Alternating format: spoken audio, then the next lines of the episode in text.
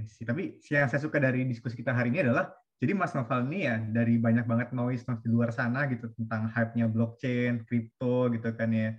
Crypto terus kayak reinvent the wheel kayak crypto yang satu dibikin lagi, dibikin lagi. Tapi Mas Noval ini bisa fokus bikin solusi yang apa ya tadi uh, yang applicable menggunakan private blockchain gitu. Ini benar-benar refreshing banget sih Praja dari uh, diskusi-diskusi sebelumnya ya dibanding yang sebelum-sebelumnya kayak gitu. Iya, iya, betul betul Mas. Menarik Jadi banget apalagi tadi Mas Noval bilang salah satu tipsnya adalah memisahkan blockchain dengan kripto. Wah, ini kan soalnya orang-orang pada gabungin terus nih gitu. Jadi oke. Okay. Awal belajar nggak apa-apa mungkin ya, hmm, tapi iya, iya. ke depan harus bisa dipisahkan.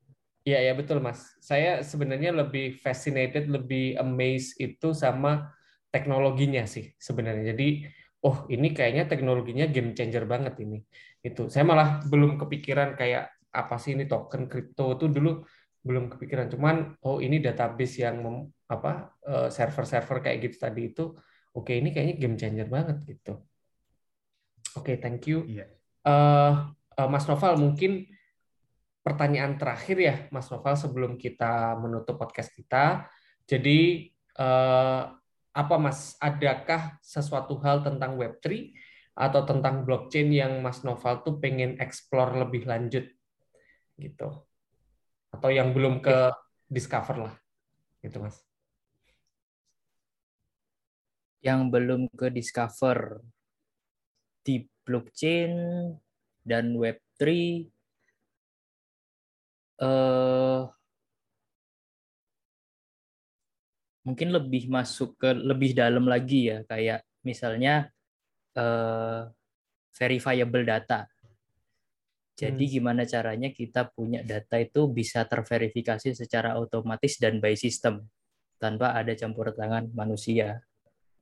Nah itu kan yang itulah yang dilakukan mungkin uh, Mas Puji pernah dengar ZK roll up terus apa namanya uh, tentang ya khususnya zero zero knowledge proof lah.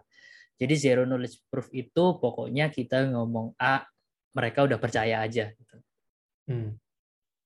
Nah, okay. Itu itu itu menurut saya uh, salah satu ya ini cukup apa namanya cukup uh, technical ya cukup technical banget yeah. kalau apa yang mau di dieksplor karena uh, aku kan apa namanya engineer juga. Uh, mm -hmm. Jadi tertariknya ke sana. Tapi kalau implementasi, nah implementasi ini justru tidak hanya tugas engineer.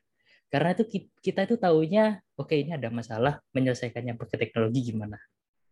Teman-teman yang punya pemikiran lain seperti Mas Praja, mungkin teman-teman sosial yang lain, atau mungkin uh, ya bidang-bidang multidisiplin yang lain lah, itu kalau mereka bisa memahami konsep blockchain secara utuh, itu use case-nya banyak banget gitu loh.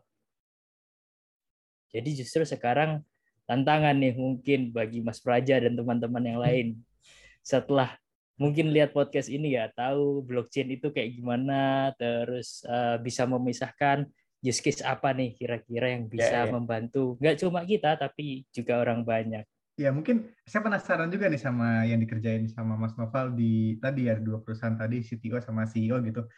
Apakah ngerjain Web3 juga Mas atau blockchain juga di dua perusahaan tersebut? Uh, kalau untuk yang satunya yes, uh, yang di apa namanya? Uh, jadi gini, uh, landas maju inovasi Indonesia atau landasi sendiri ini kan uh, kita start as an inkubator tapi kita juga punya divisi-divisi lain. Salah satunya adalah uh, apa namanya landasi innovation center. Nah di mana landasi innovation center ini menjadi one stop solution untuk mungkin perusahaan-perusahaan yang mau mengembangkan teknologi berbasis riset Nah, hmm, biasanya mungkin uh, banyak sih yang mungkin kalau pabrik-pabrik lebih ke traceability, terus apa namanya? uh, kalau platformnya sendiri uh, aku kita dulu sempat mau bikin. Jadi landasi kan karena inkubator, kita sempat mau bikin bener-bener apa namanya uh, standalone uh, public blockchain platform. Tapi ya itu tadi setelah tahu dan belajar ternyata ada aspek yang memang uh, berat ya. Jadi aspek apa namanya ekonomi dan sosial itu tadi bahkan kalau yang seperti kita tahu uh, platform platform besar seperti Ethereum terus apa namanya uh, dan berbagai platform yang lain itu untuk menyamakan suara seluruh komunitas itu susah. Jadi kita masih belum main ke sana. I see, I see. Tapi berarti saya saya uh, apa ya uh, amazed banget ya tadi mention kalau pabrik-pabrik udah mulai kayak cari solusi yang berbasis riset untuk traceability gitu. Berarti udah lumayan aware juga ya industri tentang blockchain ini dan manfaatnya gitu. Ya, betul. I see. Menarik, gitu. menarik. Wah, uh, keren banget nih Praja guest kita hari ini. Iya, betul Mas. Karena blockchain-nya juga diperkuat dengan riset gitu ya. Jadi uh, ini keren sih karena kalau sering ngerisam apa namanya weekly updates itu kayaknya cuman uh, berita-berita gitu. Belum ada yang based on research kayak Mas Noval ini. Jadi thank you banget sih Mas Noval karena uh, ada tandemnya. Mas Puji ada tandemnya malam ini. Ada software engineer-nya. jadi jadi uh, bisa sharing. Thank you banget Mas Noval bisa sharing pengalamannya, proyeksi-proyeksinya ke depan, uh, kegiatan-kegiatannya. Uh, kita sih berharap dari Stacks Chapter Indonesia bisa terus uh, kolaborasi sama Mas Noval karena kita juga fokus gimana sih caranya ngebangun talent-talent uh, IT ya atau atau Web3 di Indonesia itu biar bisa lebih lebih bertaring lah gitu. Jadi biar lebih terpapar. Itu tadi kalau bahasanya Mas Noval. Gitu sih. Thank you banget. Mas Puji ada yeah. apa itu Mas? Oke okay, uh, eh, terakhir Mas. Mungkin bisa uh, share kita hal yang di luar Web3 di luar blockchain ya. Hmm, buku hmm. yang paling Mas Noval suka.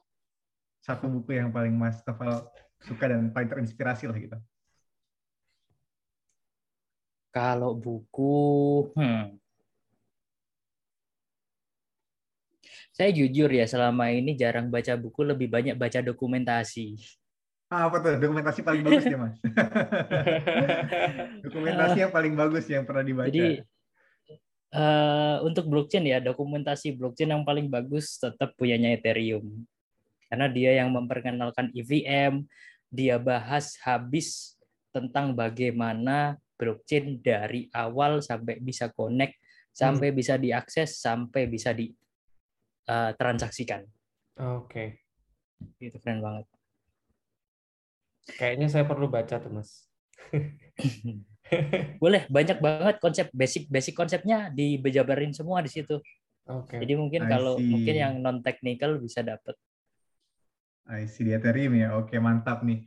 Oke, Mas Noval, uh, kayaknya Praja itu yeah. menutup diskusi kita hari ini kali ya. Ya. Uh, Kita sangat ter apa ya terhibur dan sangat terbuka pikiran banget tentang private blockchain gitu hal yang ya, betul. menurut kita baru ya di Stacks Indonesia kita bahas gitu karena biasanya kita bahas public blockchain kayak gitu. Betul betul. Thank you banget Mas Noval.